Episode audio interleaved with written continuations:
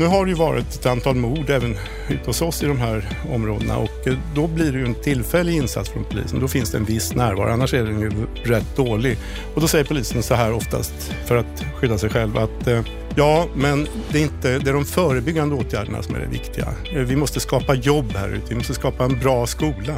Ja, men det är ju självklart. Men jag kan inte skapa, vi kan ju inte skapa bra jobb om inte förutsättningarna finns, om inte tryggheten finns där. Då finns det ju inga förutsättningar överhuvudtaget att etablera verksamhet där ute. Och för de här butiksägarna, om de blir rånade varannan vecka så kan de ju inte liksom driva den verksamheten. Det måste ju finnas fundamenten och det måste ju vara en normal trygghet. Nu får vi ju lösa det själva genom egna Eh, vakter som vi har och eh, mycket vår personal som är runt i de här områdena och är närvarande. Polisen kan inte säga att det, nu ska vi, det, det är förebyggande fel på, det är inte fel på polisen. Polisen måste in där och vara närvarande och skapa förutsättningarna. För annars kommer det ju aldrig att fungera. Så det är ju ett liksom, cirkelresonemang som inte funkar. Det går inte att begära att någon ska etablera sig och starta verksamhet och driva en verksamhet om inte alltså, de mest basala trygghetsbehoven är tillgodosedda. Det finns ett stort fokus på trygghet, på säkerhet när vi pratar samhällsutveckling och samhällsbyggnad idag.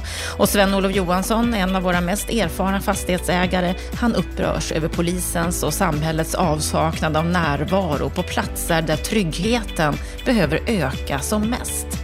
Hans bolag Fastpartner fokuserar på att utveckla hela områden där en del av deras bestånd är så kallat särskilt utsatta områden. Möt honom i ett samtal om drivkrafter, konjunktur och framtidstro. Varmt välkommen till Bopolpodden. Jag heter Anna Bellman och jag kan garantera att du kommer att gilla det samtal du kommer att höra idag med Sven-Olof Johansson. Men innan du ska få höra det så ska du få del av vad som har hänt på den bostadspolitiska arenan under veckan. Stefan Attefall, vår expertkommentator den här veckan. Vad är det du har snappat upp? Ja, först eh, den som har följt den här hyresregleringsdebatten som var på DN Debatt och många repliker och 87 debattörer och allt möjligt som skrev under en artikel. Jag tycker att ni ska läsa bostadspolitik.se och krönikan av Hans Lind som eh, lite grann beskriver historiken bakom hyressättningssystem och hyresreglering och allt vad man nu kallar det hela. Och framförallt också, hur tänkte de egentligen? Han försöker tänka lite grann, hur, beskriva lite grann hur tänkte egentligen de här som höll på med lagstiftningen på den tiden och vilka historiska skeden var de här olika besluten fattade i.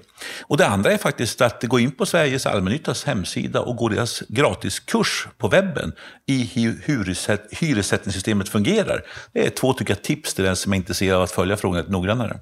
Ja, för det här är ju inte helt enkla frågor att sätta sig in i. Nej, och eh, därför behöver man kunskap. Och jag tycker både Hans Linds krönika och eh, Sveriges allmännytta bidrar till en del kunskap just nu. Mm. Vad är det mer du har Sätt. Ja, det som är annars intressant det är ju den här DN-debatten som var eh, för, för, um, om, hyr, om eh, kreditrestriktioner. Där Robert Boye, Harry Flam, John Hassler, Lars E.O. Svensson, fyra mycket tunga ekonomer i Sverige, eh, sågar eh, och ifrågasätter Finansinspektionens skäl för att införa kreditrestriktioner, särskilt de här sista. Och de ifrågasätter ju verkligen och skriver att Finansinspektionens kreditåtstramning leder sammanfattningsvis till stor skada men inte till någon påvisbar nytta. Och eh, de skriver också att eh, eh, hur, hur, unga trängs ute från, från bostadsmarknaden och att eh, det är svårt att se vilken påvisbar nytta sådana här restriktionerna har gett. Och de går igenom forskningen och går igenom olika resultat och erfarenheter och formulerar en förvånansvärt skarp, tycker jag, kritik. Och det intressanta tycker jag, det här kommer alltså i lördags, det är ännu har vi inte sett något svar från varken politiken, hur de reflekterar över detta, eller från myndigheterna. Finansinspektionen har inte svarat ännu och det är ju faktiskt intressant i, i sammanhanget. Fast det är ju inte helt förvånande, de brukar ju inte svara. Nej, men det är ju den här typen av diskussioner de måste föra för att motivera sina beslut och förklara hur de tänkte. Det är ju bara så man kan också ska få respekt för sina beslut. Nu blir det snarare så att man undrar varför svarar de inte? Har de, någon, no, ja, har de inga bra besked att ge? Däremot, ja, eller finns något ytterligare de vill dölja? Ja, den här typen av spekulationer kommer ju då. Eh, intressant nog så är det många som kommenterar artikeln. Eh, eh jag tror jag räknar till att det var 30-tal kommentarer. Och läser man dem så inträffar någonting intressant. Man ser att egentligen de vanliga människor som kommenterar artikeln, de, de instinktivt så är man orolig för de höga priserna på bostäder och ser det som ett problem i sig. Men man glömmer ju att de höga priserna på bostäder är ju en frukt av låga räntor, eh, bostadsbrist och att vi har fått allt mer pengar i plånboken, de flesta av oss, med reallönehöjningar, skattesänkningar eh, etc. etc. Och allt det här driver ju priserna. Boendekostnaderna för snittsvensken är ju lägre idag än på många, många år. Men priserna på att köpa en bostad är högre. Och det här tror jag hos många människor skapar en slags synbar villa. Liksom. Man, man, man, först, man tycker inte om den här utvecklingen med höga priser, men man glömmer vad som orsakar de höga priserna. Något annat som vi kan sammanfatta under veckan? Ja, det är lite mer rolig sak kanske. Det är att det kom ett pressmeddelande från Finansdepartementet för en knapp vecka sedan där de nu kom ut med det stora utspelet här. Att nu ska bygggemenskaper ges möjlighet att söka startbidrag. Och eh, en bygggemenskap, det är ju taget ifrån det tyska exemplet med Freiburg. Så man går ihop ett antal privatpersoner och vill bygga en gemensam bostad. Och då eh, har man nu infört ett startbidrag från statens sida. Svindlande 3 miljoner kronor ska nu satsas på detta. Om eh, minst sex stycken medlemmar satsar 10 000 kronor vardera, då kan man få söka och få upp mot 400 000 kronor i ett startbidrag för en sån här bygggemenskap. Låter jättegulligt, så inser man ju också att sex familjer bygger ett hus, kanske 2-2,5 miljoner per lägenhet. Ja, det blir ett bidrag som motsvarar 2% av kostnaderna. Det inser ju alla, det här är ju ingenting som kommer att betyda någonting. Det här är sån här politiskt gulligull till vissa väljargrupper. Och det här lägger man energi på, på Finansdepartementet hos Per Bolund och skriva förordningar om och dela ut tre miljoner kronor. Eh, som kan vara trevligt för de som ändå tänkte bygga sånt här hus, men det betyder ingenting, det kommer inte byggas några fler hus och det är frågan, är det här verkligen rätt prioriterade av resurserna? Men kan det vara en markering att det är någonting som de ändå tycker är positivt och någonstans vi ska gå som land? För det är inte så vanligt med bygggemenskaper i Sverige idag. Låt mig säga så här, att det här är en typisk eftergift. Miljöpartiet ser att det finns vissa väljgrupper som står dem nära, som tycker det här är jättebra. Och då vill man stimulera dem och då formulerar man ett bidrag som inte betyder någonting, men som är roligt för de som håller på med det just nu. Men bostadspolitiskt är det bara trams. Det betyder ingenting. De här människorna skulle ha byggt sina hus ändå. Det är ju, får de tomter kan de få riktig hjälp med banklån? Det är sånt som möjligtvis kunde påverka det hela. Men det blir ett gulligullbidrag som mera har en politisk symbolik än betyder någonting i sak. Mm, vi får se om det kan bidra till att det blir fler bygggemenskaper eller om det kommer att falla i glömska så småningom. Om en stund så kommer Stefan tillbaka för då ska han kommentera det samtal som du nu ska få höra med Sven-Olof Johansson.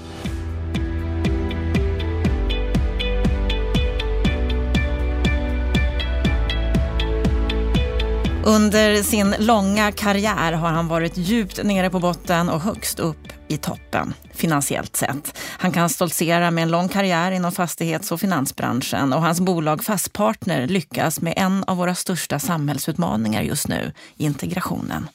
Varmt välkommen till Bopolpodden, Sven-Olof Johansson. Tack, tack. Vad är din sinnesstämning idag? Ja, vad ska jag säga? Jag har, eh, ja, det är som en dag på jobbet, typ. Jag gör det som jag brukar göra och har gjort det hela dagen. Och vad brukar just, du göra? Ja, men just nu så håller vi på att äh, lansera en ny aktieserie som vi har kallat en extraordinär bolagsstämma till den 25 och där vi ska fatta beslut om att äh, emittera D-aktier. Det måste man ändra i bolagsordningen för vi har inte haft med det tidigare. Och då har jag varit runt den här veckan och träffat en massa investerare som jag tror att tycker att det kan vara intressant. Att, ser det positivt ut? Ja, det ser positivt ut. Om man ska beskriva dig, Sven-Olof, så får man ju väldigt mycket information när man googlar på nätet. En mm. mångfacetterad person. Du är finansman, fastighetsmagnat, boxare, Ferrari. Det var länge sedan. Ja, fast det står ändå om dig. Jo, jo. Ja. Du älskar både Ferraris och andra hästkrafter. Du äger många hästar, har en mm. häst, en ranch utanför Paris. En av få personer i Sverige som varit miljardär vid tre olika tillfällen. Två gånger i pengar, en gång i skulder. Mm. Och sen sägs det att du ser vd-jobbet i Fast Partner som en hobby. Stämmer den här beskrivningen? Ja, det kan man säga. Jag har ju förmodligen sagt det här vid eh, något tidigare tillfälle. Så det är klart att jag skulle ju inte jobba fortfarande om jag, inte, om jag tyckte att det var en belastning för mig att gå till jobbet. Och det är det ju inte alls. Jag ser ju det. det är ju en livsstil. Har du hållit på med det här som du var 12-13 år så är det svårt att lägga av. Och eh, det är bara det att allt det tråkiga, det är någon annan som gör. Så jag får ju bara göra det som är kul. Mm, många andra och, de längtar ju efter att gå till pension och, och gärna innan de fyller pensionsålder. Mm. Du håller det tror på inte jag är bra. Nej, varför inte då? Alltså, eh, hade jag varit byggjobbare, det är självklart, då jag måste använda min kropp och kanske slitit ut den, då har jag ju faktiskt slitit ut min kropp när jag är kanske långt före pensionsåldern. När jag är 55 så kanske jag inte mår så bra. Men har man haft ett jobb där jag egentligen bara jobbar med eh, mer eller mindre intellektuella utmaningar, det är klart att då är man inte sliten alls. Då kan man ju till och med kanske bli något bättre och bättre ju mer erfarenhet du får. Så du har inga planer på att lägga av? Nej, men så här med, med det jag jobbar idag och med den takt som jag jobbar idag så är det inga problem alls. Och jag tycker aldrig att jag har jobbat så här fantastiskt mycket. Jag har jobbat precis lagom så att jag har fått en bra balans i tillvaron. Första gången som du och jag träffades, det är drygt ett år sedan nu, då lyssnade jag på en ljudbok om dig som heter Sveriges miljardärer. Där mm. kom det fram väldigt mycket om dig, bland Birgitta annat. Forsberg, ja. Mm. Just det. Mm. Bland annat att du har tacklat motgångar genom att gå på gym. På tal om att vara stark och mm. hålla sig alert. Ja, tackla motgångar, men det är ju bara att uh, jag tyckte om att gå på gym. Det är inte för att tackla en motgång, jag hade nog kunnat ta dem utan, utan att gå på gym. Men uh, jag tycker det är kul att röra på sig. Viktigt för Jag försökte fortfarande göra det, ja. Jag är ute i skogen mycket med hunden. Du har ju varit på botten finansiellt sett. Kände du dig på botten? Nej, absolut inte. Jag hade ju liksom, då hade jag en arbetsuppgift som var mer utmanande eh, än någonsin tidigare. Att liksom ta sig tillbaka ifrån en situation. Dessutom så tycker jag att den där situationen man hamnar i, då, den var ju rätt generell. Det var ju att man, det var ju i samband med eh, eh den här finansiella krisen som Sverige hade i eh, början på 90-talet och som var driven av att man försökte försvara den svenska kronan mot en korg av andra valutor och göra det till varje pris. Och man hade, som man kommer ihåg, kanske det här med dagslåneräntor. Riksbanken hade en dagslåneränta på 500 procent. Alltså precis den rakt motsatta situationen som vi har idag. Och eh, eh, det var ju en utmaning i sig och det var ju självklart då i en situation när räntan går upp väldigt mycket och eh, eh då, då faller ju självklart eh, värdet på alla fasta tillgångar. Avkastningskraven går ju upp dramatiskt. Så det är klart, det, det går inte att undvika en kris. Och det, man kallar ju den här krisen för en fastighetskris, fast egentligen så var det ju en valutakris eller en ekonomisk kris för landet. Hur gjorde du då för att ta dig upp ur den? Att ja, vända de här motgångarna på ja, Det var ju bara att försöka hitta en lösning, alltså sälja in, eftersom vi var ju då belånade eh, ganska högt upp och genom att värdena sjunker så var det ju en full belåning och belånings nivån var ju faktiskt 2 miljarder över det faktiska värdet på beståndet vid den tidpunkten. Det var ett ganska stort bestånd redan då. Och så hade jag personlig borgen på alla de här lånen och det är klart att då blir ju min situation ganska utsatt. Och att lägga sig ner och liksom bara ge sig då, det är ju helt fel. Du måste ju försöka jobba och hitta en lösning. Och jag lyckades liksom övertyga det här bankkonsortiet om att det fanns en lösning framåt och eh, fick vi bara hålla på och jobba med det här och rapportera ständigt mot banken och se till så att allting som togs fram, allt cashflow gick rakt tillbaka i form av amorteringar.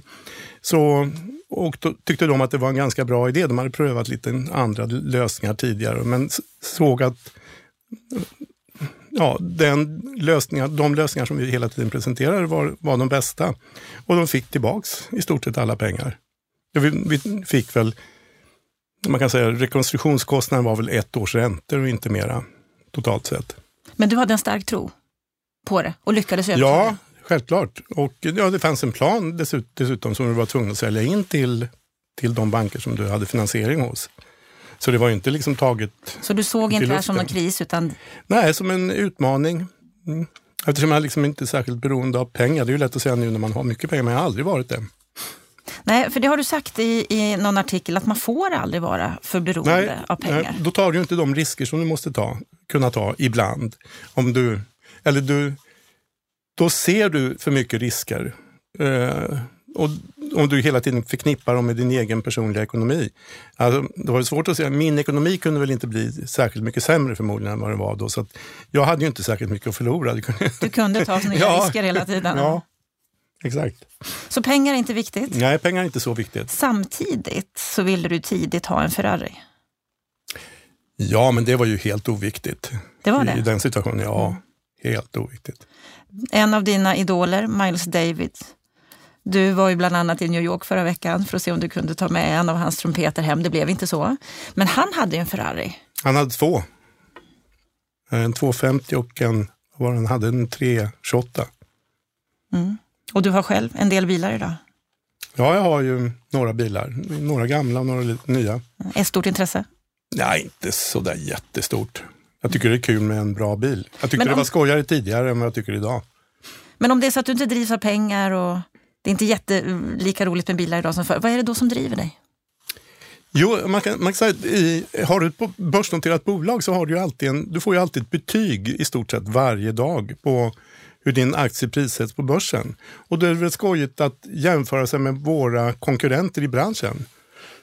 och eh, försöka göra så bra ifrån sig. Det är ju mera liksom ett tävlingsmoment som kommer in där.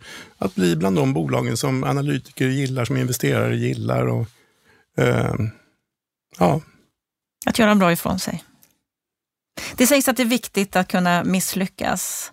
Har du sett dina utmaningar som lärdomar? Jag har inte har sett dem som misslyckanden, det tycker jag inte faktiskt. Jag har hamnat i vissa situationer men jag har inte sett det som ett misslyckande egentligen. Det är ingenting som jag har blivit ledsen för eller något sånt där.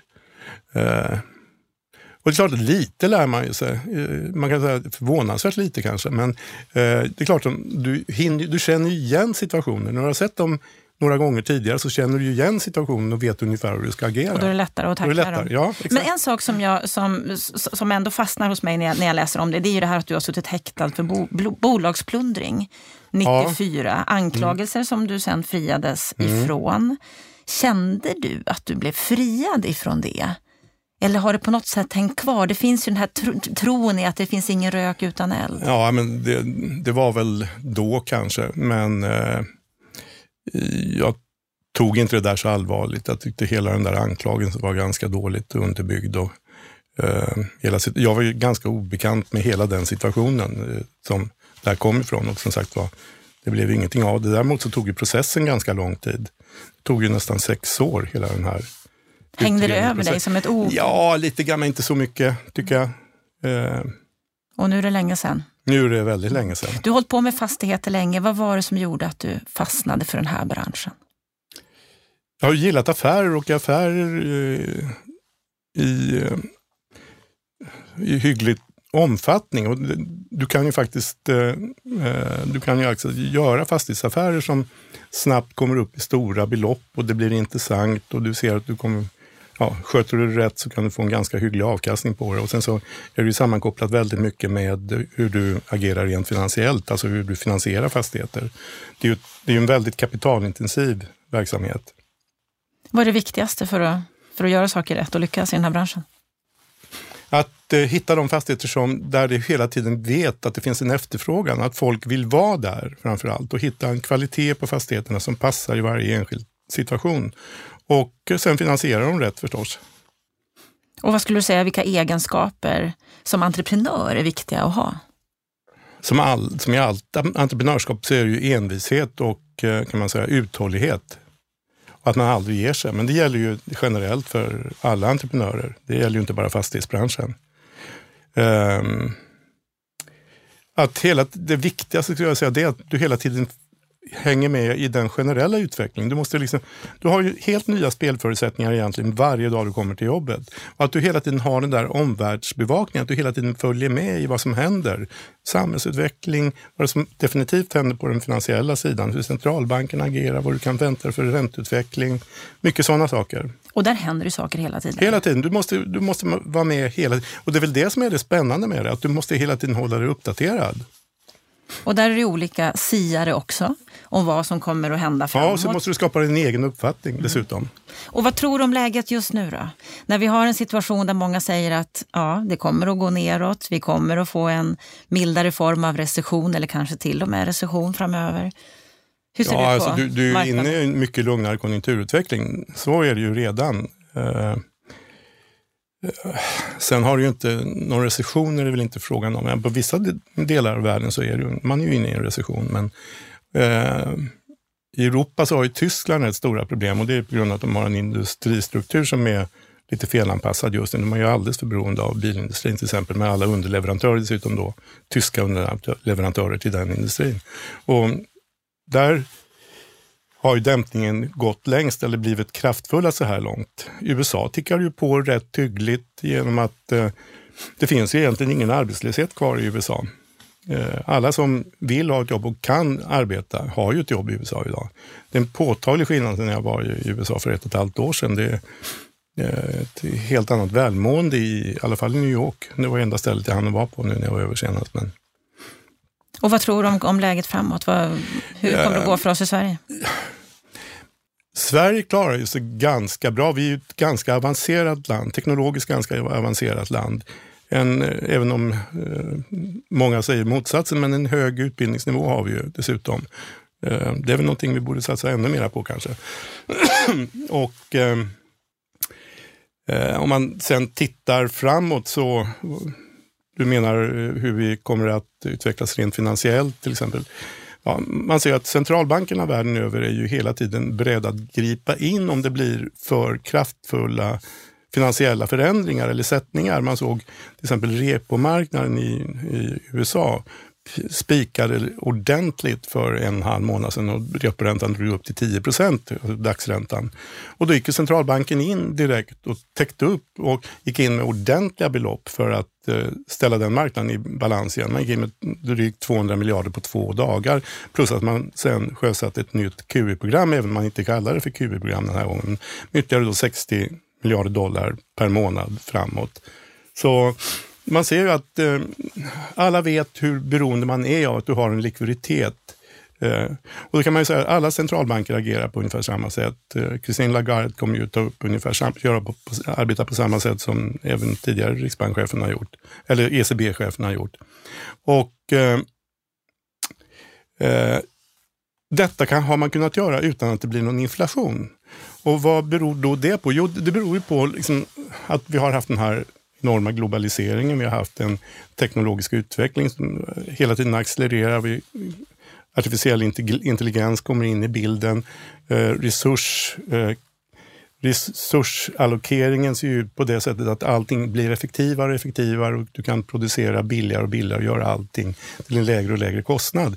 Och sen står vi ju nu inte allt för långt bort när kvantdatorerna kommer som kommer att ersätta våra nuvarande superdatorer och kanske med en, en snabbhetsfaktor som är 100 till 200 000 gånger snabbare. Alltså det är en fullständigt sanslös teknologisk utveckling som vi står inför. Och i det läget så är det svårt att se att, vi ska, att någon inflation ska komma till stånd. Så att man kan ju fortsätta att köra ut likviditet på det här sättet och hålla hela den här ballongen igång. Så att jag ser inte de här stora hoten, måste jag säga. Och hela den här tekniska utvecklingen som du pratar om, som är helt fantastisk. Vad kommer den att betyda för branschen? För vi är ju lite i vår linda. Ja, ja, ja men, men digitaliseringsgraden i fastighetsbranschen, om det är den du avser nu, så den är ju hög och den fortsätter ju. Alltså det här Internet of Things, det är ju i allra högsta grad en realitet i fastighetsbranschen idag. Du styr ju i stort sett allt. Vi kan ju sitta på distans och styra alla våra fastigheter idag. Och de blir mer och mer tek- teknologiskt avancerade. Hur mycket fokuserar ni på det här i Fastpartner? Väldigt mycket. Stor del av er Mm. innovation och utveckling framåt. Och det går ju bra för er. Mm.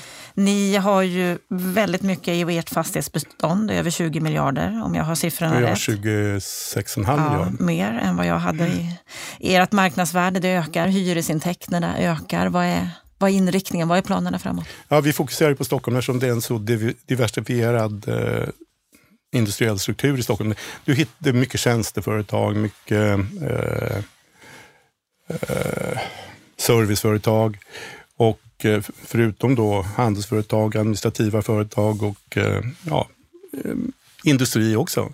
Så det är en bra mix och det är hela tiden en inflyttning till Stockholm, hela tiden en tillväxt i Stockholmsregionen. Det finns inte en fastighet, om den inte är katastrofalt illa placerad, som du inte kan hyra ut eller hitta en ändrad användning för om eh, den nuvarande användningen inte går att hitta en hyresgäst för.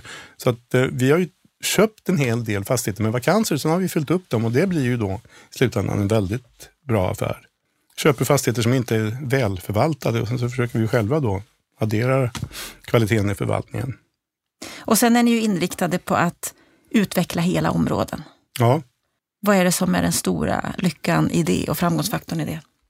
Ja, det finns ju synergieffekter kan man ju säga. Att eh, vara på en plats och liksom få full kunskap om den platsen och utveckla den i, ur alla aspekter, alltså även infrastrukturellt. Och så har ni områden som Tensta, Rinkeby. Mm. Där det är en väldigt ett... liten del av vår verksamhet. En liten del av er verksamhet, men, men någonting som ni ändå, ni, ni blir ändå uppmärksammade ja. för det här, för där finns det ju stora utmaningar. Ja, men ändå är de inte så stora tycker jag, utan det är bara att uh, hantera det på... Du ska, I och för sig så det här är ju stadsdelscentrum i stor utsträckning, så det är ju uh, stat, kommun och landsting som är hyresgäster kanske 70 procent, alltså barnavårdscentraler, tandläkarstationer, alltså social service. Så det är ju huvuddelen. Och sen så är det då ett butiksutbud som är väldigt anpassat till vart och ett av de här centrumen. Och det går bra för alla de här butiksägarna. Och vår uppgift är ju att se till så att alla trivs där, så att kunderna trivs där. Uh, de här sociala funktionerna trivs där. Och att man tar ett socialt ansvar för hela området. kan man säga. Och, eh, vi har alltså nästan noll i vakans i de här utsatta områdena. Hur viktigt är det här för att det ska bli tryggare samhällen? Att det här fungerar som du berättar om nu? Ja, det är jätteviktigt.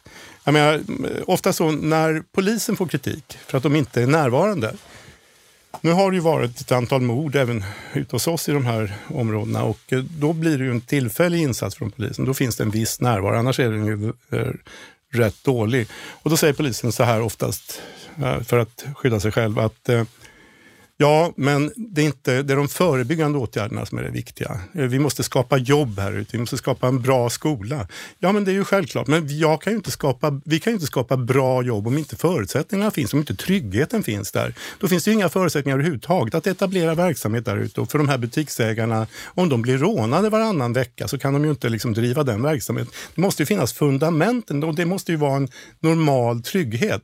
Nu får vi ju lösa det själva genom egna eh, vakter som vi har och eh, mycket vår personal som är runt i de här områdena och är närvarande. Men menar, det, polisen kan inte säga att det, nu ska vi, det, det är förebyggande fel på, det är inte fel på polisen. Polisen måste in där och vara närvarande och skapa förutsättningarna. För annars kommer det ju aldrig att fungera. Så det är ju ett liksom, cirkelresonemang som inte funkar. Det går inte att begära att någon ska etablera sig och starta verksamhet och driva en verksamhet om inte alltså de mest basala trygghetsbehoven är tillgodosedda. Så polisens närvaro saknas? Den har varit bra nu ett tag, men nu börjar man trappa ner igen. Så fort de är där försvinner ju alla de här tendenserna till otrygghetstendenserna. Det har så stor betydelse. Sen kan jag förstå att det kan vara svårt att rekrytera poliser som verkligen vill vara där ute. Men vi är ju där med våra väktare. Vi är ju där med vår personal. Jag är där ganska ofta. Inte jag, men då och då.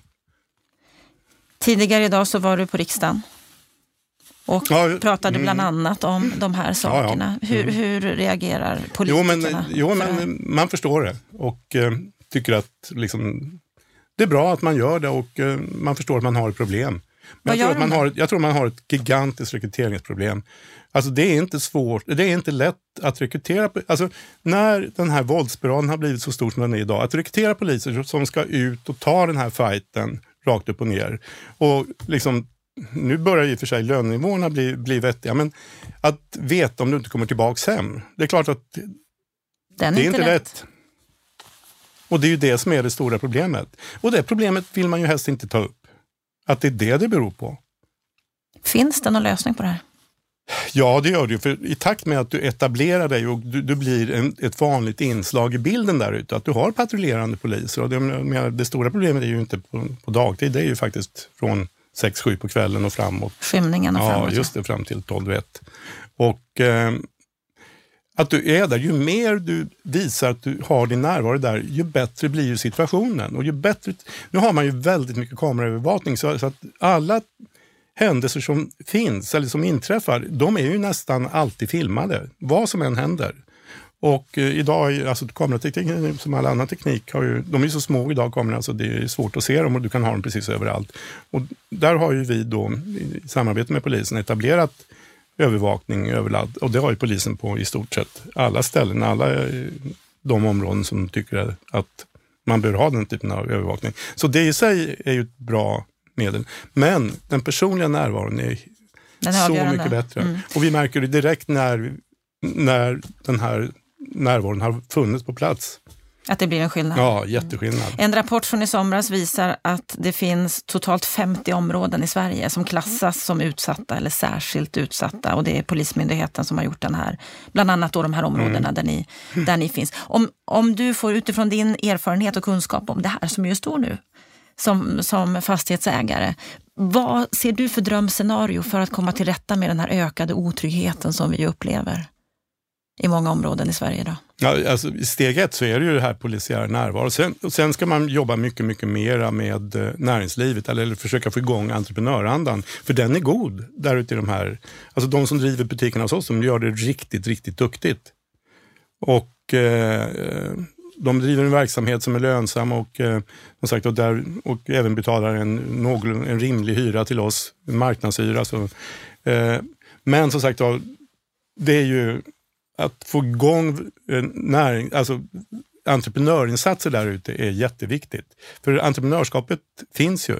De, eh, ehm, jag märker inte liksom, alla som, om någon väljer att eh, sälja sin verksamhet så finns det ju 200 på kö som vill ta över den där verksamheten och driva den kanske i någon annan form eller på, på annat Så sätt. det är inte där Nej, det ligger? det är inte där det ligger.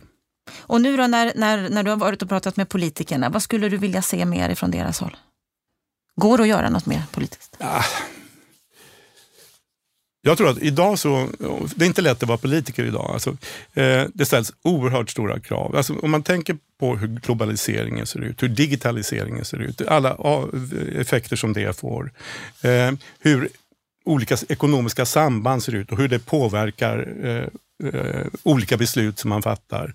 Eh, den teknologiska utvecklingen följa med där, följa med i hela samhällsutvecklingen.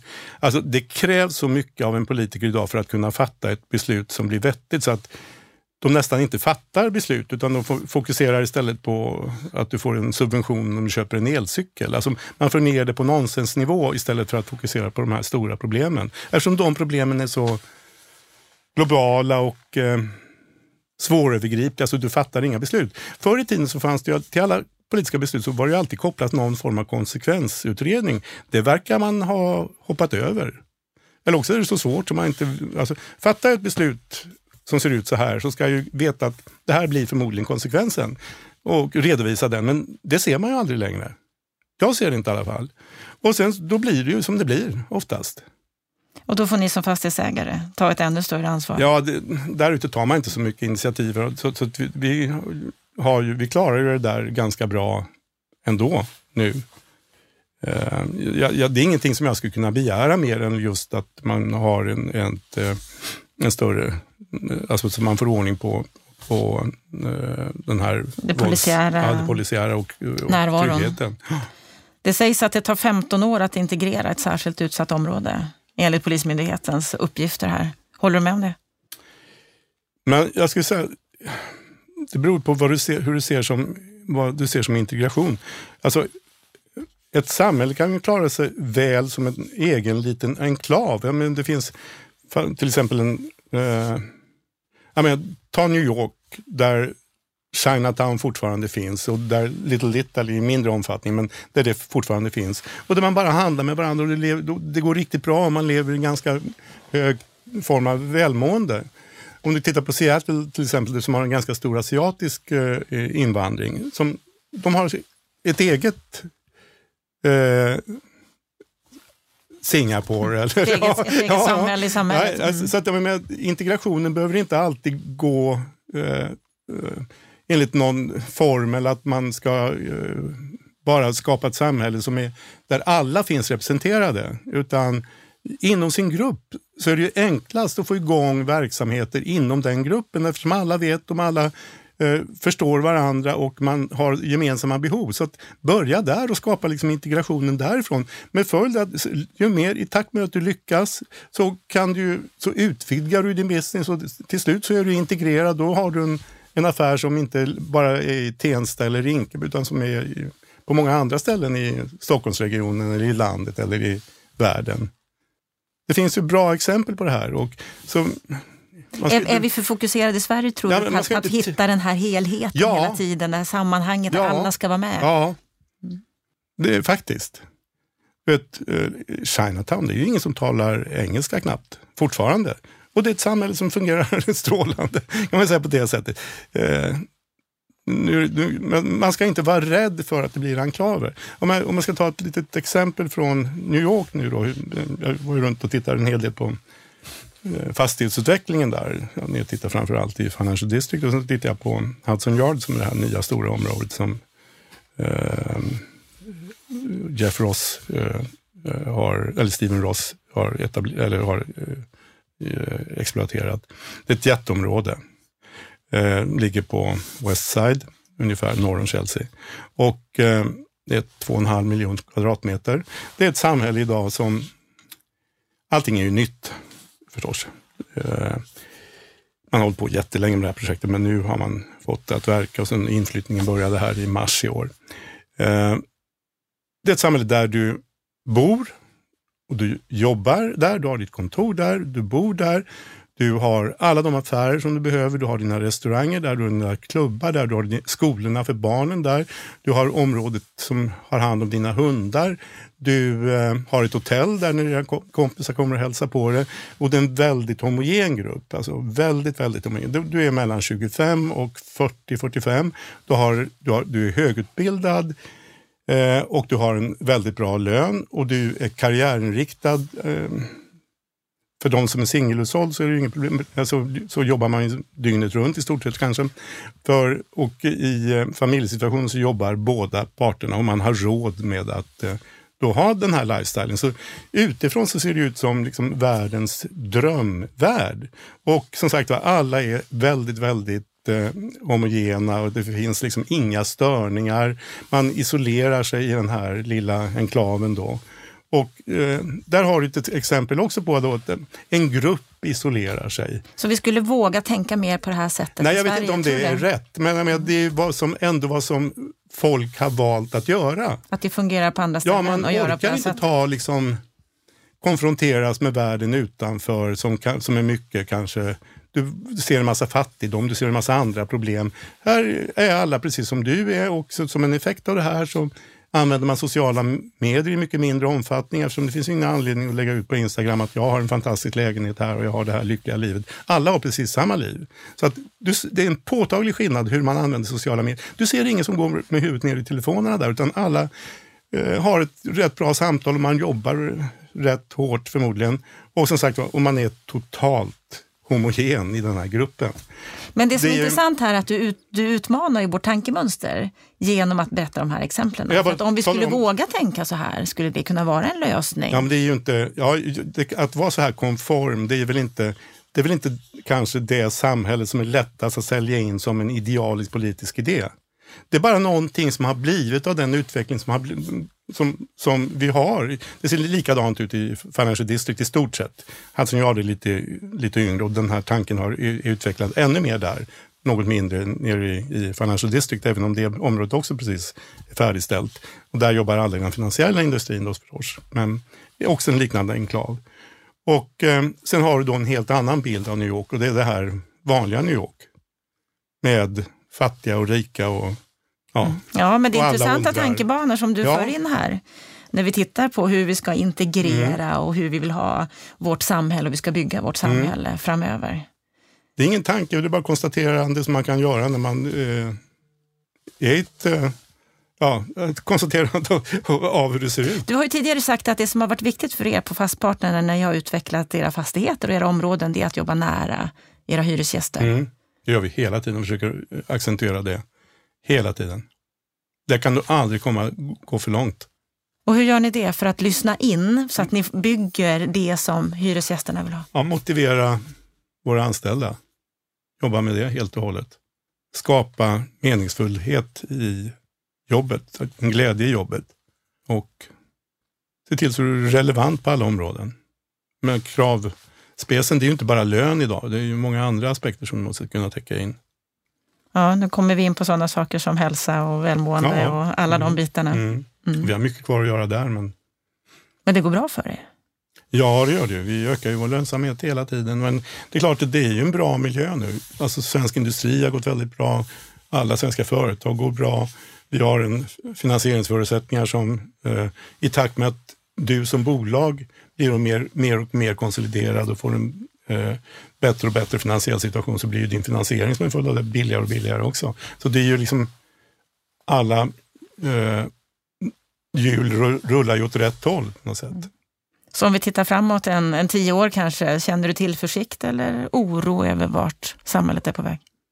Nej, jag, jag känner ingenting. Jag bara konstaterar att samhället ändras på många sätt och vis. Och, eh, man har att förhålla sig till det på något sätt om du ska driva företag. För där är ju din uppgift att säga att spela din sociala roll i samhället. Eh, där kan man säga, alla företag idag blir ju mer och mer socialt engagerade.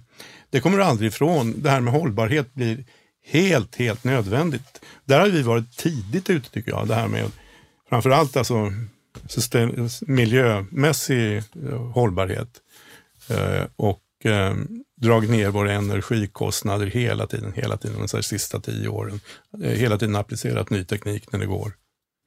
Så att hänga med i utvecklingen, hela ja. tiden vara flexibel, följa med. Ja. Då går det bra, mm. om man är lyhörd. Mm. Janne Stenbeck sa det där på, vid något tillfälle tydligen. Han var inbjuden till någon större konferens och så skulle han hålla ett tal vad han tyckte var viktigt för att utveckla verksamheter. Och ehm, eh, då sa han bara att ah, det viktigaste är att man måste ständigt ligga och jucka mot marknaden. Det var enda. Sen så sa han inget mer, så gick han. det, det, är det är ett ganska tydligt budskap. Ja, det är ett väldigt tydligt eh, budskap. Du måste hela tiden följa med och se vad vill kunden ha? Vad, vad är det? Hur ändras kundens preferenser? Eh, nu med sociala medier så är det så mycket andra impulser som kommer in också. Så att det, det är ingen lätt uppgift, men det, du måste hänga med. Det är inte övermäktigt heller. Och det kan gå att ha ganska roligt under vägen. ja, det är klart att det är spännande. Och som sagt, ju snabbare all utveckling går, ju mer spännande blir det ju. Eller? Absolut. Ja. Ska vi säga så? Mm. Stort tack för att du gästade Bopolpodden, Sven-Olof Johansson. Tack.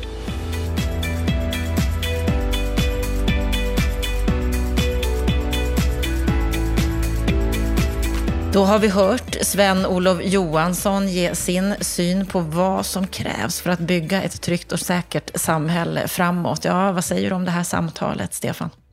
Jag tycker det är en härlig personlighet, eh, Sven-Olof Johansson. Och eh, jag kommer ihåg honom från 90-talet när han var och bildade Veckans Affärer med boxarhandskar och när han tog en sån här corner position i, i, i Saab och, och blev utköpt och, och tjänade sina första stora pengar på, på det. Va? Eh, men det är också en person som verkar ha starkt psyke. Men har man råkat ut för 90-talskrisen och fått två miljarder i personliga skulder och, och, han verkar inte tycka att det var så jättejobbigt. Eh, det är klart att då har man psyke också som gör att man kanske också eh, tål lite motgångar. Men det är en härlig personlighet och han har ju faktiskt bidragit mycket och jag känner ju till också hans satsningar exempelvis i, i Rinkeby. Jag var själv på studiebesök och tittade på det hela och vet ungefär hur, hur de jobbar. Eh, spännande personlighet, spännande ambitioner och eh, det är uppenbart att han vill både göra affärer men också vill uträtta någonting. Och han var ju väldigt tydlig och blev ju nästan lite upprörd när han pratade där om avsaknaden av polisens närvaro i Rinkeby och Tensta.